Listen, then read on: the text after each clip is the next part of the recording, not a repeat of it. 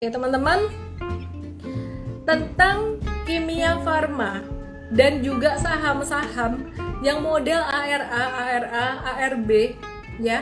Teman-teman kalau punya saham kayak gitu, saham yang kapitalisasinya di bawah 5 triliun rupiah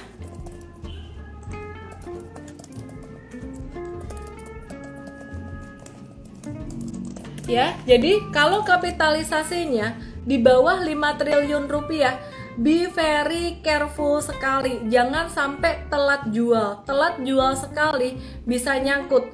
Jadi kemarin waktu kita trading, M-Trade trading itu eh, kita udah jual KF ini tepat pada waktunya 12 Januari sebelum dia jatuh.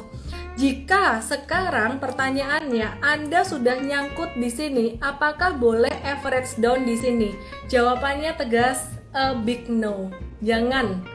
Lebih baik duit Anda dimasukin ke saham-saham lainnya. Lebih baik uh, saham Anda, uang Anda dimasukin ke saham-saham yang memang tadi saya sebut uh, potensial gitu. Jadi be very careful banget teman-teman mesti bisa bedain antara saham tipe 1, tipe 2, tipe 3.